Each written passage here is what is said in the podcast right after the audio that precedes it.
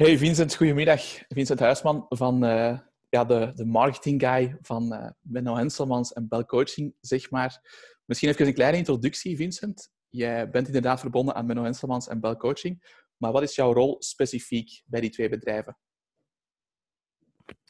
Um, ja, eigenlijk marketing in de allerbreedste zin. Uh, ik heb eigenlijk een achtergrond van commerciële economie uh, met uh, CRM, dus Customer Relationship Management, e-commerce en uh, een minor dan in psychologie. En ik heb een hele tijd gewoon in de sales gewerkt tijdens mijn studie. Um, ja, dus ik heb na mijn studie heb ik een tijdje kantoorbaan gehad gewoon. Dus ik niet echt op mijn plek. Ik had iets van vier uur reistijd, twee uur heen, twee uur terug. Ik had niet echt een goede band met mijn manager. Um, ja, dus ik, ik had altijd gewoon passie om iets voor mezelf te beginnen rondom de fitness. Uh, maar ik vond wel dat ik een opleiding moest hebben voordat ik echt andere mensen uh, kon begeleiden eigenlijk. Dus ik was toen al een tijd in, um, in de evidence-based fitness um, uh, bezig. Dus ik las bijvoorbeeld research reviews van Alan Ergon en gewoon diverse mensen zeg maar, die evidence-based werken. Daarin zag ik eigenlijk een artikel van Menno Henselmans. Ik had geen idee dat hij überhaupt Nederlander was. Ik kende hem verder niet. Maar ja, daardoor was ik eigenlijk bij zijn content terechtgekomen. Um, destijds was dat nog uh, Bayesian bodybuilding. Uh, maar ja, goed, ik wilde natuurlijk die, ik wilde eigenlijk die carrière switch maken richting, uh, richting PT of online coach. Maar ik wilde ook niet een, een standaard certificaat halen. Dus, want ik wist dat ik daar gewoon niks ging leren. Je een, van die standaard certificaten hier in Nederland. Omdat ik, ja, en als je gewoon een beetje evidence-based onderlegd bent, dan weet je dat dat ja, over het algemeen redelijk achterhaald is. Of, of super basic, zeg maar. En ik wilde dus echt wat leren en niet alleen maar gewoon een papiertje halen. Uh, dus ja, vandaar had ik me ingeschreven voor de uh, cursus van Menno. Uh, toen ben ik uiteindelijk ingedeeld bij de Nederlandse cursus, waarvan ik toen niet eens wist dat die er was. maar ik dacht, ja, oké, prima. En ik had dus nog nooit van Richard Bell gehoord. Maar ik dacht, goed, eerste Nederlandse ronde was dat van de cursus. En dus ik, ging die cursus gewoon doen in de trein van en naar mijn werk, want ik had daar toch zat tijd. Nou, uiteindelijk um, aan het einde van die nou ja, acht maanden, zeven, acht maanden uh, cursus examen gedaan. Examen was echt iets van acht uur. Ik weet nog dat het echt zieke terror was. Uh, uiteindelijk cum laude geslaagd voor, uh, voor het examen. En toen, uh, toen kwam ik eigenlijk op het punt dat ik mijn eigen business een beetje erbij wilde doen naast mijn kantoorbaan. Maar goed, dat was eigenlijk niet super realistisch, want dat kostte me zoveel tijd. ik begon een beetje overspannen te raken, zeg maar. Dat ik niet de beste band met mijn manager. En toen werd mijn contract niet verlengd, wat achteraf eigenlijk het beste was wat me had kunnen overkomen. Dus uh, ja, ik wilde ook geen salesbaan, want ik had best wel een, een cv zeg maar voor sales. Maar ik wilde daar niks mee doen, dus ik dacht ik ga er gewoon vol voor. Ik ga gewoon uh, nu die carrière switch maken. En toen ben ik eigenlijk weer via um, een oud cursist um, bij een bedrijf uh, terechtgekomen die eigenlijk PT'ers plaatsen binnen het hele land. En die vroeg ook specifiek om de Handsmans cursus. Of in ieder geval, het was een pre, zeg maar. Dus dat was eigenlijk één op één. Gelijk gereageerd. Goede klik met hem en uh, zijn compagnon. En toen kwam ik er eigenlijk snel achter dat mijn achtergrond met business en marketing, dat ik die heel goed kon inzetten om dat bedrijf ook te helpen. Dus toen uiteindelijk werd ik ingehuurd uh, om wat marketingdingen erbij te doen. En zo ging het heel snel eigenlijk zo'n sneeuwbal-effect. Kreeg ik via via gewoon meer aanvragen die compagnon had nog een bedrijf, daar wilde, hij ook dat ik de marketing voor deed. En toen heb ik eigenlijk vrij snel de, de switch gemaakt naar fulltime business en marketing, zeg maar, binnen, binnen fitnessbranche. Uh, dus vanuit daar ben ik toen uh, uitgenodigd om een keer te zitten met uh, Richard Bell, om te kijken hoe we tussen die twee bedrijven konden samenwerken. Um, ja, ik kende Richard natuurlijk alleen van de cursus, maar verder persoonlijk niet. En hij gaf eigenlijk aan dat hij het evidence-based de evidence-based werkwijze wat meer mainstream wilde brengen.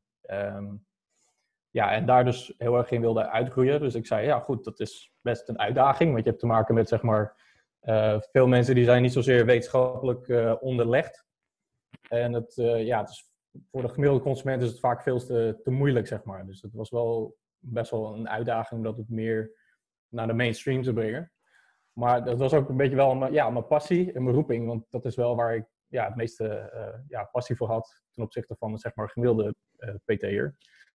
Dus dan konden we samen eigenlijk zeg maar, de, de kwaliteit van PT omhoog brengen. Dus je hebt natuurlijk best wel veel ja, onzin binnen, zeg maar, PT'ers. Uh, heeft ook te maken met gewoon dat die opleidingen meestal niet helemaal up-to-date zijn of gewoon een beetje achtergehaald.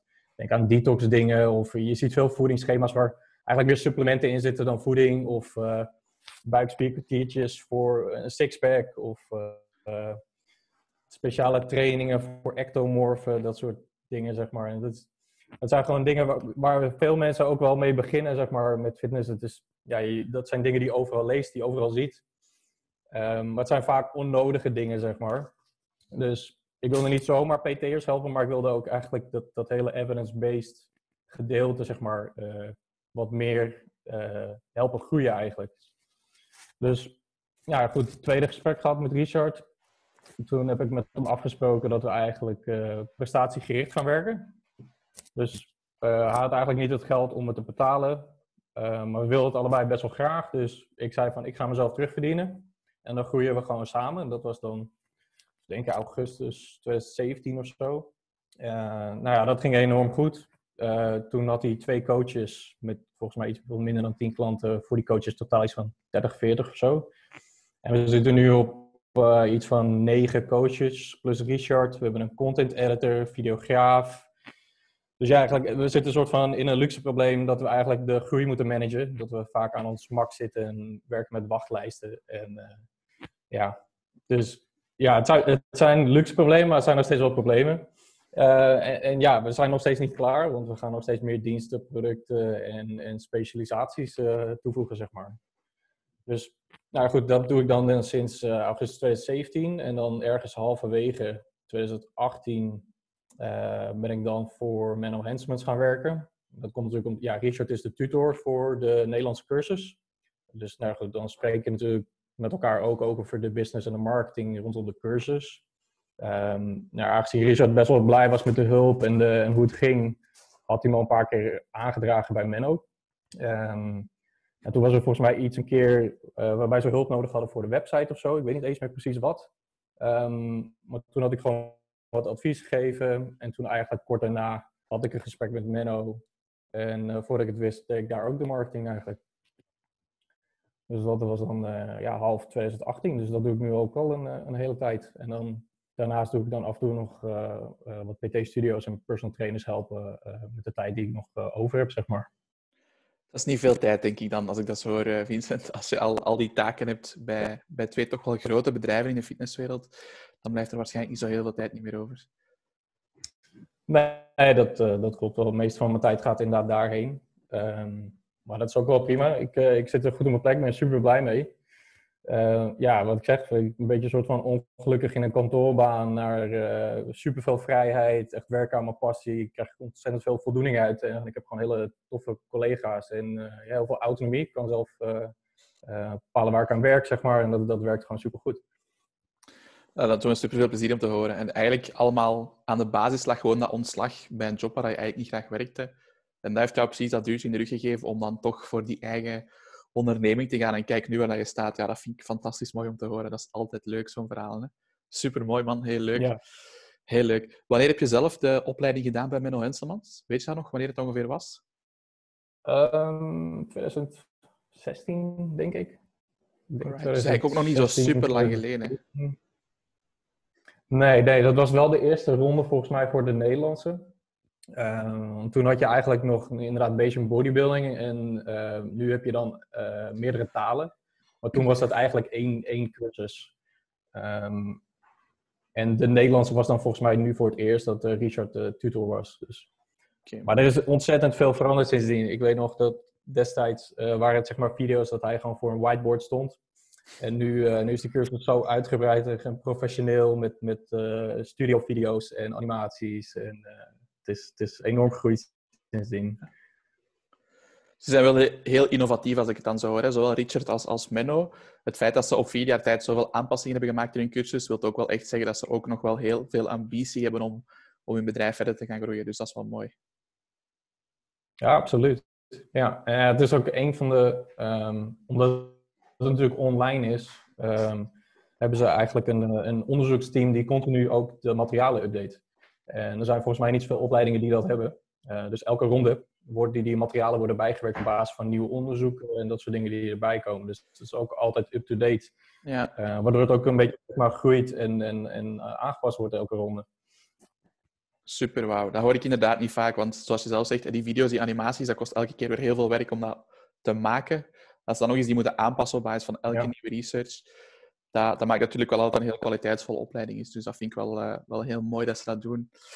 Hey Vincent, um, jij weet natuurlijk ook wel wat, wat ik doe ondertussen. Ik, ik, ben, ik ben een marketeer um, voor personal trainers ook specifiek. En ik help specifiek personal trainers om hun business online te brengen, omdat ik heel hard geloof in het online gegeven. Um, en ik heb ook wat vragen verzameld van personal trainers die mijn video's bekijken. Ondertussen hebben wij een Facebookgroep van uh, eh, 230 leden sinds uh, gisteren. Voor mij is dat ook al een beetje een, mijlpaal, die 200 overschreden. Um, en ik heb een aantal vragen binnengekregen en ik zou die vragen graag aan jou stellen.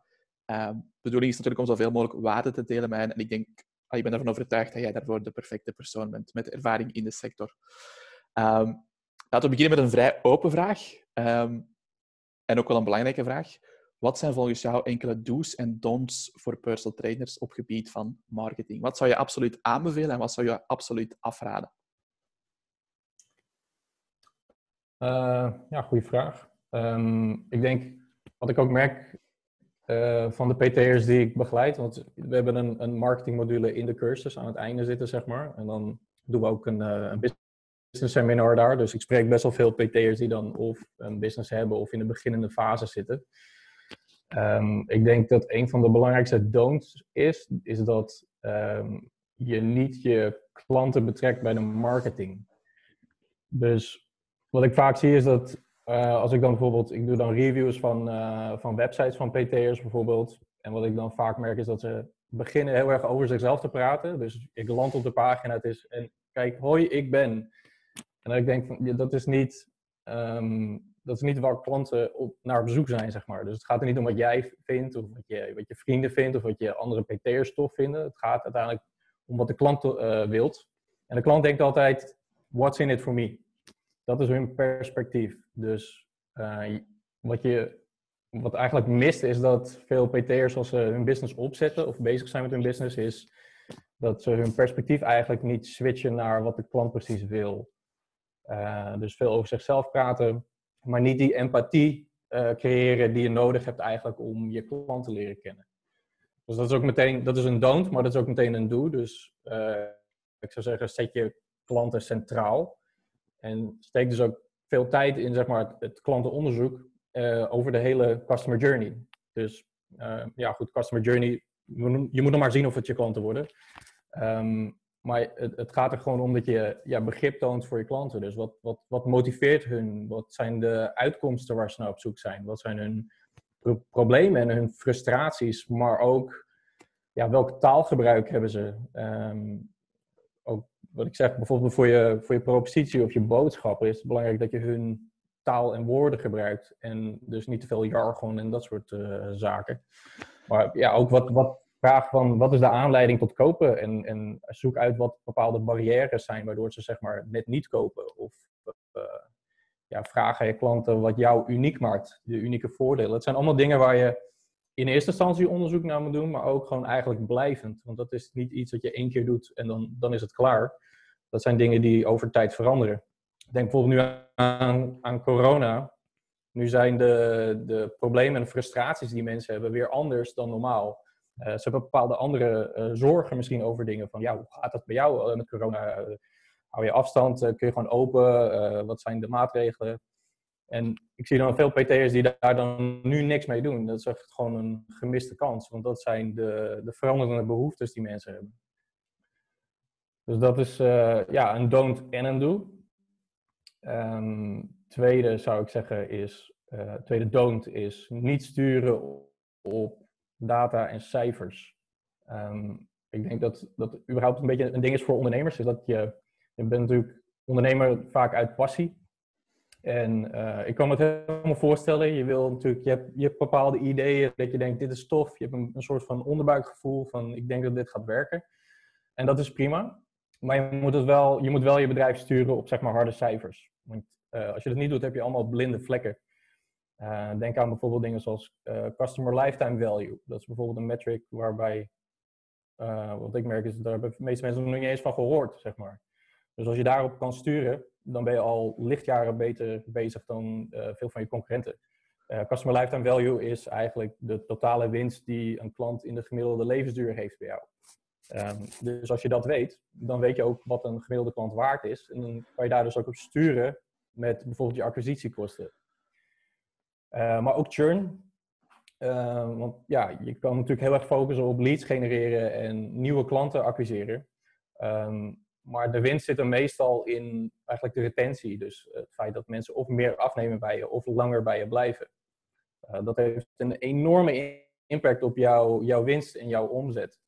Uh, want klanten aantrekken, dat kost vaak geld en tijd. Uh, je betaalt vaak uh, advertentiekosten of je, hebt, je hebt opstartkosten. Het kost je sowieso meer tijd om een nieuwe klant op te zetten. En hoe langer een klant bij je blijft, hoe hoger die waarde voor die klant wordt. Naast dat ze waarschijnlijk ook weer nieuwe klanten kunnen aanbrengen voor je. En die waarde echt enorm stijgt. En er zijn ook meerdere onderzoeken naar dat zeg maar, de focus op retentie gewoon ontzettend belangrijk is. Um, maar in de fitnessbranche is dat nog relatief slecht. Uh, met name sportscholen, die, die, uh, die presteren daar nog niet zo heel goed in. Dus ja, die cijfers vertellen je eigenlijk waar je moet kijken. Um, en het kwalitatief onderzoek, dus echt met je mensen praten, interviews, dat soort dingen, dat vertelt je eigenlijk waarom. Dus je wil altijd die cijfers wil je in de gaten houden. En je ziet bijvoorbeeld, oh, hier haken bijvoorbeeld veel mensen af. Maar het vertelt je nog niet waarom. Je weet alleen, oké, daar moet ik gaan kijken. En dan met kwalitatief onderzoek ga je kijken waarom dat dan precies is. Dus eigenlijk, je wil een beetje die mix daarvan uh, van hebben. Maar altijd wel gewoon sturen die cijfers. Uh, want dat is dus hoe je eigenlijk je bedrijf moet gaan sturen. Yes. Dan... Ja?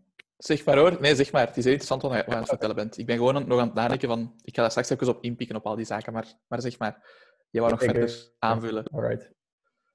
Ja, um, dan eigenlijk de, ja, proberen de nieuwe marketing hypes te volgen en uh, zeg maar de allernieuwste marketingtechnieken en zo toe te passen.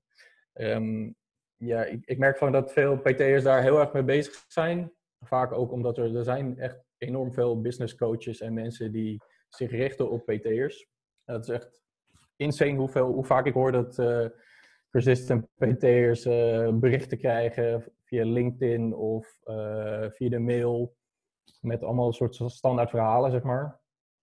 En, het is een soort van shiny object syndroom. Dus altijd, oh, nieuwe dingen en ik moet nu chatbots en, en, en, en dan heel erg daarop focussen, terwijl je basis gewoon nog niet in orde is, zeg maar. Um, of, of zeg maar te hard verkopen. Dus je wil zo focussen op die details en overtuigingstechnieken.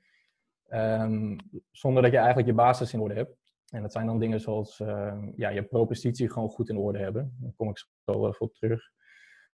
Um, maar daardoor zeg maar, keihard focussen op die sales en op die, die overtuiging. Terwijl het eigenlijk een soort van contra-effect heeft. Want als je te hard verkoopt, dan neem je eigenlijk het gevoel weg bij mensen dat ze controle hebben over het maken van die beslissing. Uh, en als mensen dat gevoel krijgen, dat merk je, ik bedoel, dat merk je vaak. Ik weet niet of je verkoper aan de deur hebt gehad. Het voelt gewoon niet goed, zeg maar. Weet je wel? Um, het is heel geforceerd en je voelt veel druk van ik moet, uh, ik moet doen wat hij wil. En uh, eigenlijk het effect wat je dan creëert is dat mensen heel erg defensief worden. En dat is niet alle, eigenlijk alleen relevant in de sales, maar ook in je coaching. Uh, dus je kunt mensen eigenlijk beter overtuigen als je ze goed kent. En dat komt dan weer terug op leer je klanten kennen. Is ja, praat met ze en leer ze goed kennen. Dat is veel makkelijker om mensen te overtuigen dan ja, iemand die je niet kent en je gaat proberen te verkopen. Dat is gewoon super lastig. Um, dus dat is een don't. Um, kan ik daarop inhaken eigenlijk met een, uh, een do, is um, de continue, continue klantenervaring uh, verbeteren. Dus je wil in die hele customer journey die je hebt, van het eerste moment dat mensen jou zien tot en met als ze al klant zijn en zelfs uh, maanden als ze al klant zijn, wil je eigenlijk nadenken over de ervaring die je mensen biedt. Uh, want het gaat uiteindelijk in de PT gaat het, en ook bij online coaching gaat het vaak om relaties. En dat zou dan ook je focus moeten zijn. Dus het, het, stopt niet nadat mensen wat bij jou gekocht hebben. Dan begint het eigenlijk pas.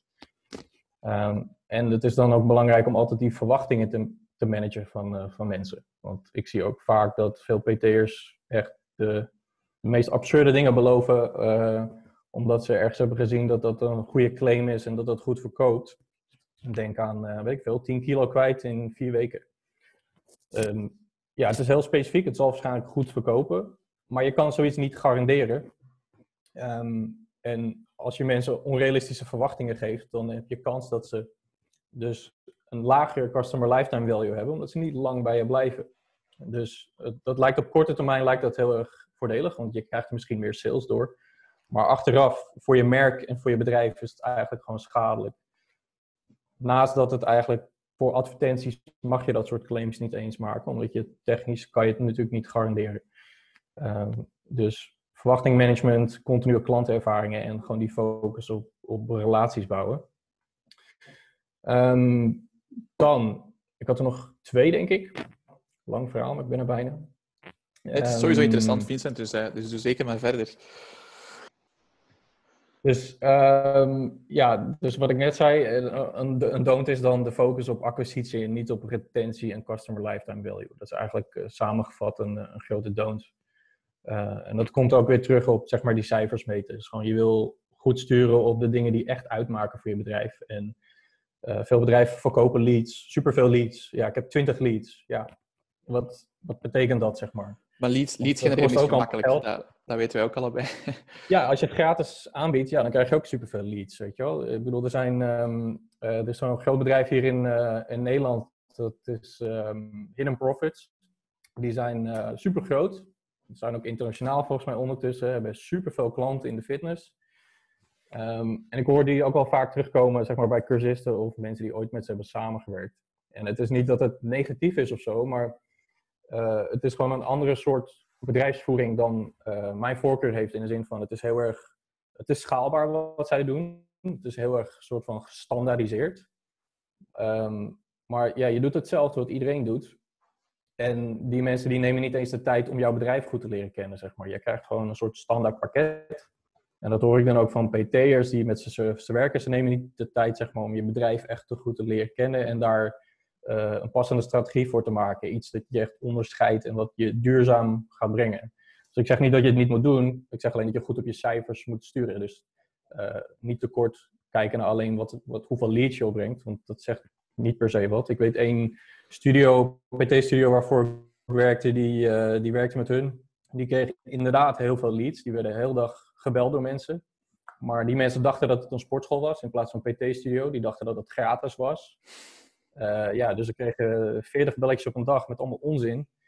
En dan belden ze op van, ja, zet de campagne maar stil, want ik, ik trek dit niet, weet je wel. En dan posten ze van, ja, het was zo succesvol dat de klant de campagne moest stopzetten. Zoveel leads hadden ze. En dan denk ik van, dat gaat natuurlijk eigenlijk helemaal nergens over. Um, dus ja, dus dat ook als je met een bedrijf samenwerkt. Ja, dat is zeg maar heel, uh, het is een kort perspectief, maar dat is niet ja, hoe je bedrijf uh, gaat groeien, zeg maar. En dus als je dat doet, zorg dan wel dat je ze toerekeningsvatbaar houdt op de dingen die uitmaken, zoals bijvoorbeeld... Misschien wel interessant om in te dan. Wat is volgens hmm? jou, Vincent, als, als personal trainer dan? Want ik werk zelf niet met fitnesscentra, ik heb heel weinig PT-studio's, er zijn er wel een paar. Wat is voor, volgens jou een goede manier om leads te genereren via advertenties? Wat voor aanbod en welke strategie zou je daarvoor goed kunnen inzetten als zelfstandige personal trainer? Uh, een manier om leads te genereren. Um, een verantwoorde nou ja, en duurzame manier om, om leads te genereren. Um, ja, eigenlijk hangt het er vanaf, zeg maar, uh, wat je propositie is. En uh, ja, wat, welke niche of welke, welke doelgroep je je richt. Maar uiteindelijk komt het allemaal neer op, je, je, je praat eigenlijk um, over de problemen die mensen hebben. Dus als je gaat kijken naar hoe zo'n verkoopproces werkt. Aan het begin heb je zeg maar Mensen moeten eerst bewust zijn van het probleem dat ze hebben. Dus dat is helemaal aan het begin, is, zijn de dingen waar jij op kan focussen met bijvoorbeeld jouw content, is praten over de uitdagingen, de problemen die klanten hebben. dat kan op social media zijn, dat kan bijvoorbeeld een, e-book zijn waarbij je dan uh, bepaalde topics uh, uh, waarde levert. Bijvoorbeeld, laten we het heel simpel zeggen, heel generiek, maar bijvoorbeeld afvallen. Dat je, dat je daar tips en tricks over geeft, om mensen in ieder geval iets van waarde levert. praat over die problemen. Um, en ze eigenlijk helpt met dat soort zaken. En ja, down the line gaan die mensen uiteindelijk, als ze jou volgen en meer vertrouwen in jou krijgen, dan heb je gewoon een grote kans dat ze uiteindelijk klant bij je worden. En ehm, ja, dat kan door verschillende soorten content. Dat kan op social media, dat kan met lead magnets, zeg maar. Denk aan e-books, video's. Maar je kan ook gewoon met mensen praten op, op forums. Dus zoek uit waar jouw mensen zijn, waar ze, waar ze heen gaan om hun problemen op te lossen eigenlijk. En daar wil je aanwezig zijn. En het kan zijn dat zo'n hele salesreis best wel lang is hoor.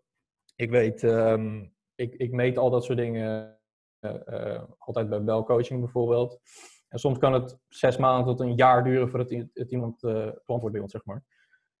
Maar ja, je kan ook inderdaad gewoon zorgen dat je sales funnel, dat is een organische manier, maar je kan ook een betaalde versie daarvan doen eigenlijk. Zorgen dat je in elke stap van, de, van het proces, dat je een soort van advertentie of dat je een, een, een passende boodschap hebt daar.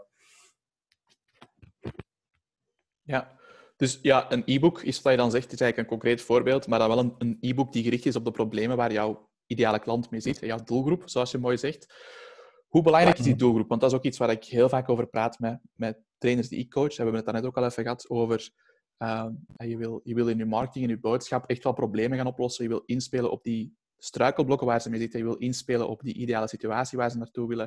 Dat is ook de reden waarom dat, zoals je daarnet ook zei, zo van die uh, campagnes of zinnen zoals wil jij 10 kilo afvallen in vier weken? Dat werkt vandaag nog altijd. Hè? Het, het, probleem is vaak dat, er, dat die belofte niet kan nagekomen worden. Dus dat je ook in zo'n campagne duidelijk moet aangeven van kijk, er is een genetische factor, we kunnen dat niet voor iedereen garanderen, wij gaan je proberen te helpen, maar hou er rekening mee dat wij op een duurzame manier werken. Dat is ook jouw verantwoordelijkheid als coach, vind ik persoonlijk. Ehm, dus hoe belangrijk is die doelgroepbepaling? in het marketingverhaal. Want je hebt daarnet ook gesproken, doe je marktonderzoek. Ga eens je oor te luisteren bij je klanten. Maar als je tien verschillende klanten hebt en die tien verschillende klanten zeggen iets anders, ja, dan sta je eigenlijk nog bij nul, denk ik.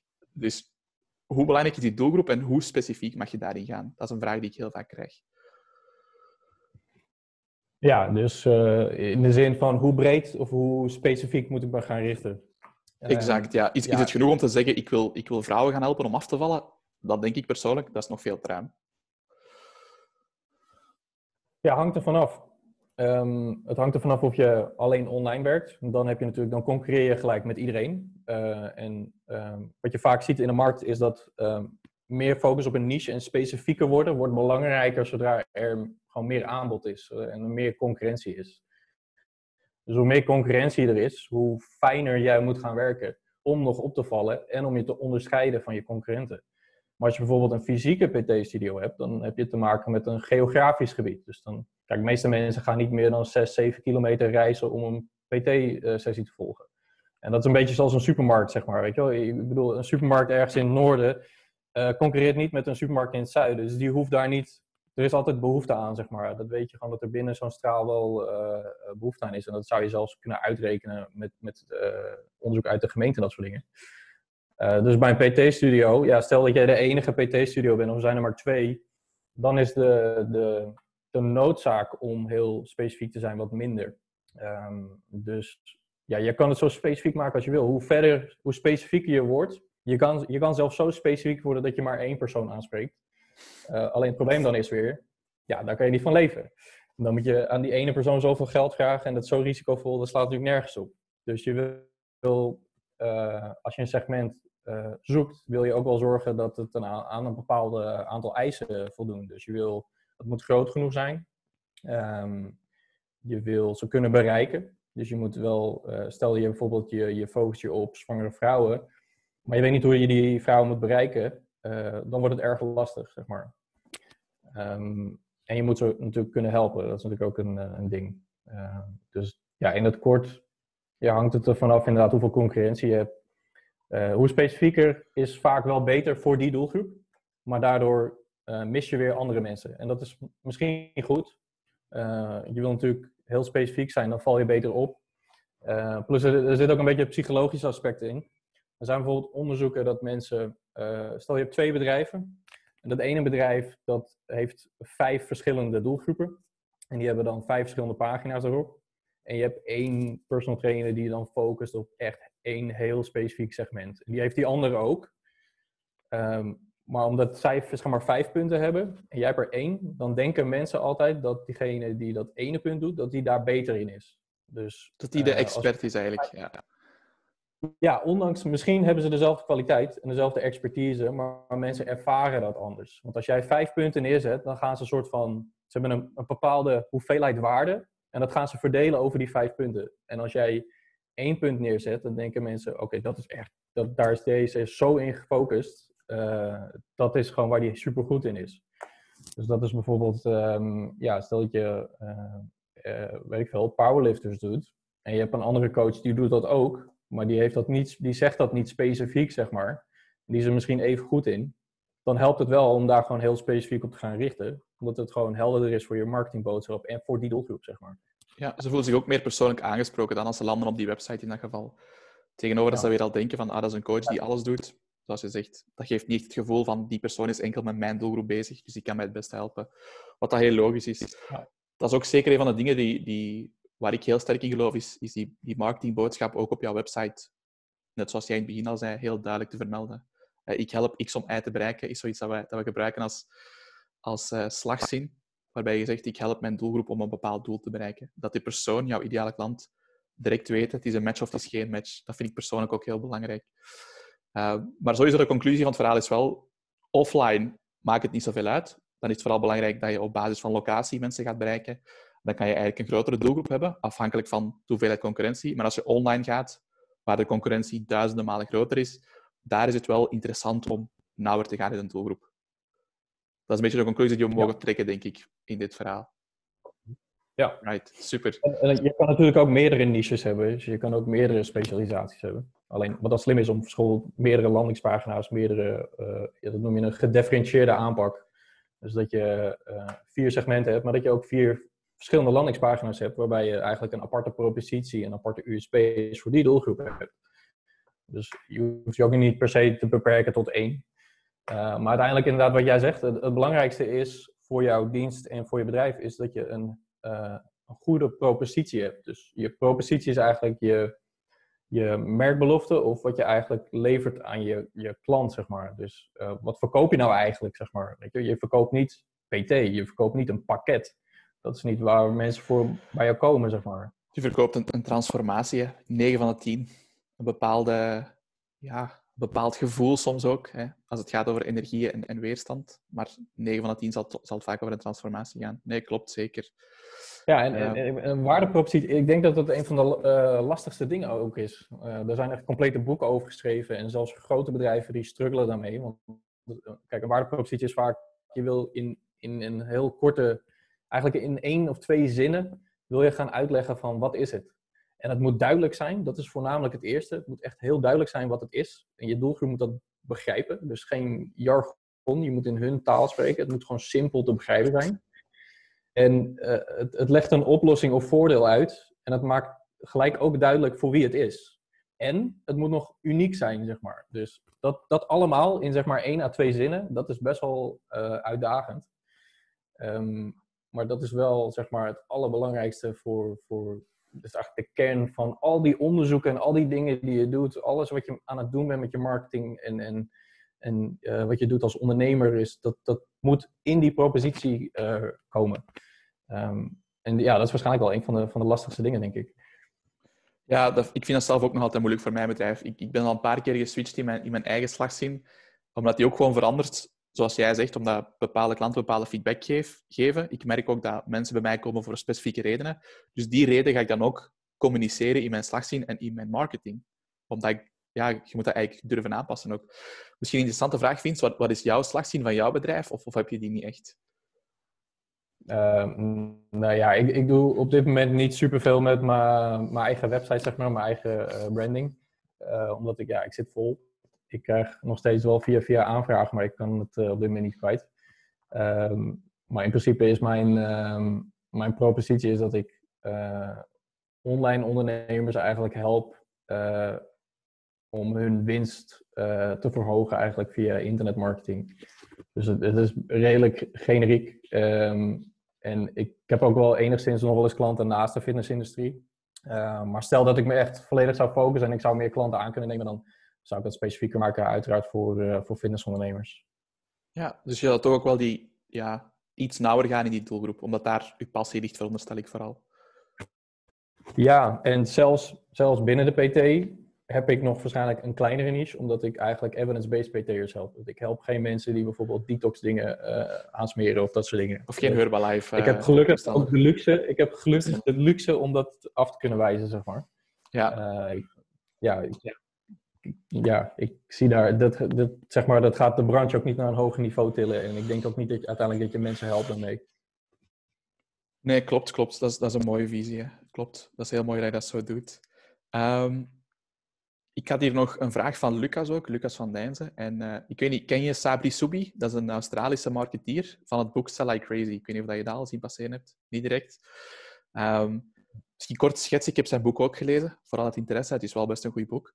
En hij praat heel veel over funnels. En hij maakt die funnels vrij complex. In de zin van, in het begin van zijn funnel zal hij één of twee producten gratis aanbieden, om dan vervolgens in de volgende stap een product van, van een klein bedrag te gaan aanbieden. En de vraag van Lucas was als volgt.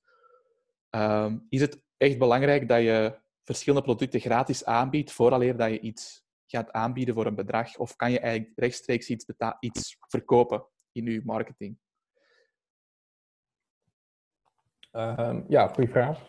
Um, kijk, want uh, als je kijkt naar een sales funnel, dan heb je inderdaad bovenaan, dat elke sales funnel, dus er worden natuurlijk superveel sales funnels, een soort van kant-en-klaar verkocht, of een soort van formules voor, standaard formules voor uh, sales funnels. Maar uh, wat voor model het ook is, ze zijn vroeg of laat gewoon gebaseerd op hoe um, een, het verkoopbeslissingsmodel eigenlijk werkt. Dus hoe mensen beslissingen maken, he, hebben een aantal vaste fases die mensen gewoon altijd moeten doorlopen, wat logisch is. En idealiter heb je voor al die fases heb je gewoon iets staan. Dus uh, wat ik normaal doe voor mijn funnels is, bovenaan heb je inderdaad uh, content. Um, dat kan ook een soort van tripwire zijn, dus gratis content. Mits het maar gebaseerd is op zeg maar, het valideren dat mensen bepaalde interesse, affiniteit en problemen hebben. Um, en dan in het midden ga je werken aan die relatie bouwen. Dus dat doe ik vaak dan met retargeting. En dan filter ik eigenlijk de mensen eruit die niet die niks hebben gedaan met dat bovenste stukje van de funnel, uh, die, die, die, laat ik weg. Die hebben geen interesse getoond. Want je kan mensen niet forceren om interesse te tonen in iets. Dat is, interesse is zelf segmenterend, dus je kan mensen niet forceren erin.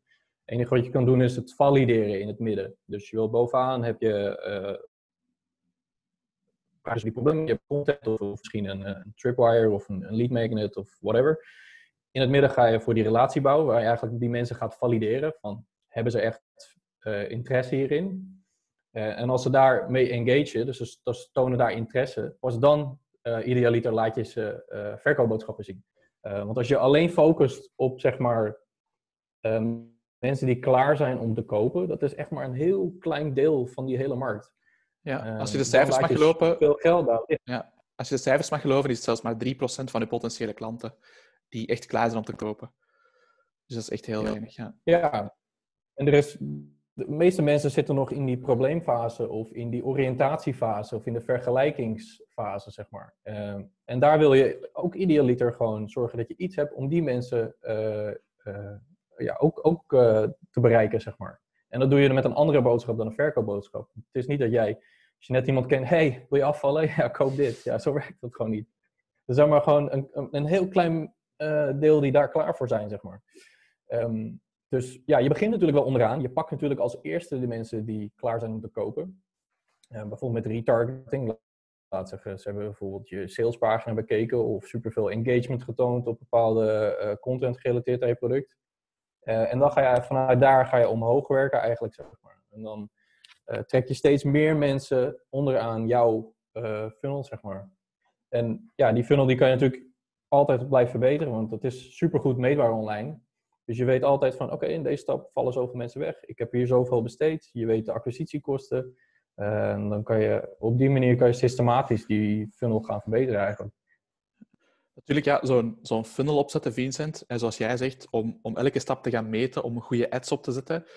dat is niet weggelegd voor elke personal trainer. Dat vraagt een bepaalde background. Want jij gebruikt waarschijnlijk ook Google Analytics om elke stap van die funnel te gaan meten en te gaan kijken wie valt waar weg, welke leeftijd bereik ik het meest en zo verder, om dan te gaan optimaliseren. Dat is niet evident. Ik, ik beschouw mezelf als vrij technisch. Ik heb daar ook heel veel uren moeten in investeren om, om, om daarmee weg te geraken, om dat te begrijpen. Dus wat zou dan volgens jou de nummer één focus moeten zijn voor, voor personal trainers die echt een goede marketingstrategie willen gaan bouwen? Wat zou je hen adviseren? Echt voor die startende ja. personal trainers die nog niks doen van marketing. Ja, goede vraag. Ik krijg die vraag in de cursus ook altijd. Dan heb je eigenlijk mensen die net een hele opleiding hebben gedaan. Ze hebben een hele... En dan in één keer komt er marketing en business bij. En denk nou, oh, hier moet ik rekening mee houden. Daar moet ik rekening mee houden. En het is overweldigend dat je denkt, oh, moet ik dat allemaal doen, zeg maar, weet je. En dat kan ik me wel voorstellen. Ehm, dus ik heb eigenlijk een soort van, ik geef altijd een soort van piramide aan, aan hiërarchie van waar moet je eigenlijk je tijd en focus op leggen. En eigenlijk onderaan die, die piramide werk je dus uh, aan het, het afbakenen. Dus je segmentatie, je onderzoek. Want dat is echt de, het fundament. Daar moet je in eerste instantie mee beginnen. Uh, daarbovenop komt je waardepropositie en je, je USP's. Daar wil je aan werken. Dan je meetbaarheid en je cijfers. En dat hoeft echt niet super ingewikkeld te zijn. Je kan gewoon in een spreadsheet kan je die dingen erin zetten. Uh, zorgen dat je dat één keer per maand bijwerkt. Dat je je leads erin vult. Uh, daar, heb je gewoon, ja, daar, kan je een templateje voor maken. Dat kost je nog geen dag, zeg maar.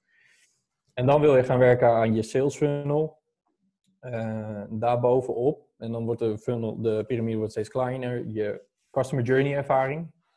En dan als laatste je retentie en eventueel referrals stimuleren. Ja, oké, super, super interessant. Ik vind dat ook heel goed beschreven, Vincent. Ik heb zelf nog nooit erover nagedacht om het op die manier te gaan, te gaan vormgeven, maar inderdaad, um, kan je misschien nog heel, heel, even kort herhalen wat de, wat de vijf stappen waren in jouw piramide? Dus eerst focus op... Onderaan afbakening, segmentatie en onderzoek. Daarboven je waardepropositie en je USP's. Uh, dan meetbaarheid en uh, cijfers. Uh, dan je sales funnel. Dan je customer journey ervaring. En dan retentie en referrals. Oké, super. Dat is onbewust ook wat dat wij doen, maar ik vind het super dat je dat, dat, je dat zo voorstelt. Dat maakt het heel tastbaar ook voor die, voor die startende personal trainers. Um, Vincent, we hebben nog een vijf minuutjes, dus we gaan, we gaan stilaan afronden. Heb jij nog bepaalde specifieke tips of bepaalde zaken die je zeker wil meegeven naar de personal trainers die deze video gaan bekijken? Zijn er nog dingen die je absoluut gezegd wilt hebben omtrent marketing of business, aangezien dat je daar ook in thuis bent? Um, ja, eigenlijk de, de kern van de zaak, we, gewoon praktisch gezien, want uh, maak het ook weer niet te ingewikkeld. Kijk, uiteindelijk moet je gewoon uh, het meeste tijd steken in het begrijpen van jouw klanten en je doelgroep. Dus praat gewoon met ze, leer ze goed kennen. Um, zorg ook dat je dingen vastlegt over wat klanten voor je zeggen in elke fase van die, van die sales funnel. Dus als mensen aan het oriënteren zijn, misschien niet eens klant worden, want je wil weten waardoor ben je net niet klant geworden, zeg maar. Uh, waardoor gaan ze weg? Dat soort dingen. Je wil, je wil eigenlijk ergens iets van een, een spreadsheet of een, een, een, een, een document hebben waarin je al dat soort informatie wat klanten zeggen, die citaten eigenlijk, in hun taal wil je uh, gaan verzamelen. Uh, want uiteindelijk wat ik ook altijd adviseer voor uh, het schrijven van teksten en copy is steel dat gewoon van je klanten. Um, je wil hun taal gebruiken, je wil citaten uit interviews en dat soort dingen wil je allemaal gaan gebruiken. Um, want het gaat er uiteindelijk om wat de klant wil. Uh, en je wil niet te veel brainstormen vanuit je eigen perspectief of vanuit andere PT'ers of wat je, je vrienden of je moeder of zo tof vinden.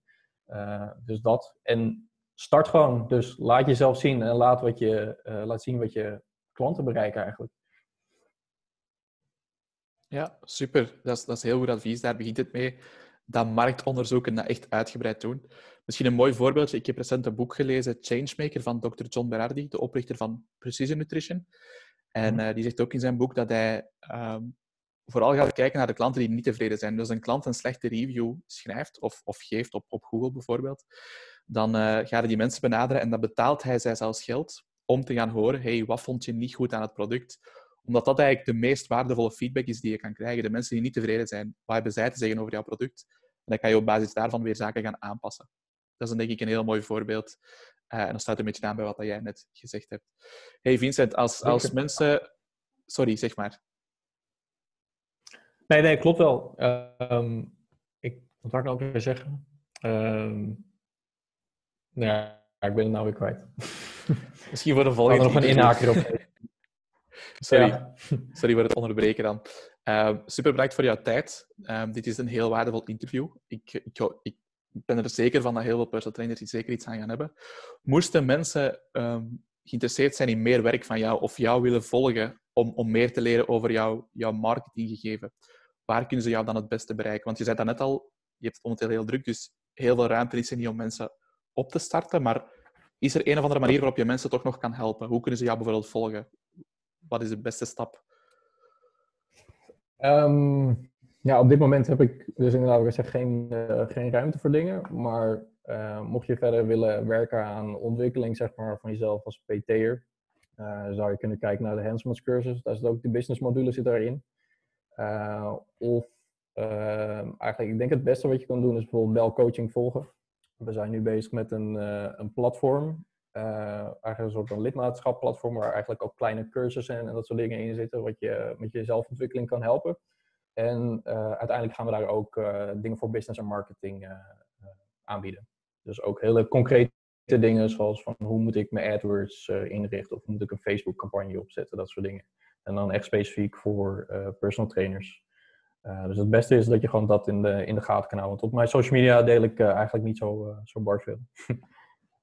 Alright, perfect. Dat is, dat is heel goed advies. Dan weten de personal trainers wat ze moeten doen. Vincent, super bedankt voor jouw tijd, man. Het was super aangenaam, ook voor mij. Ik heb zelf ook wel een aantal dingen bijgeleerd, dus dat is ook altijd leuk. En uh, ik zou zeggen, heel veel succes nog. Ja, jij ook, man.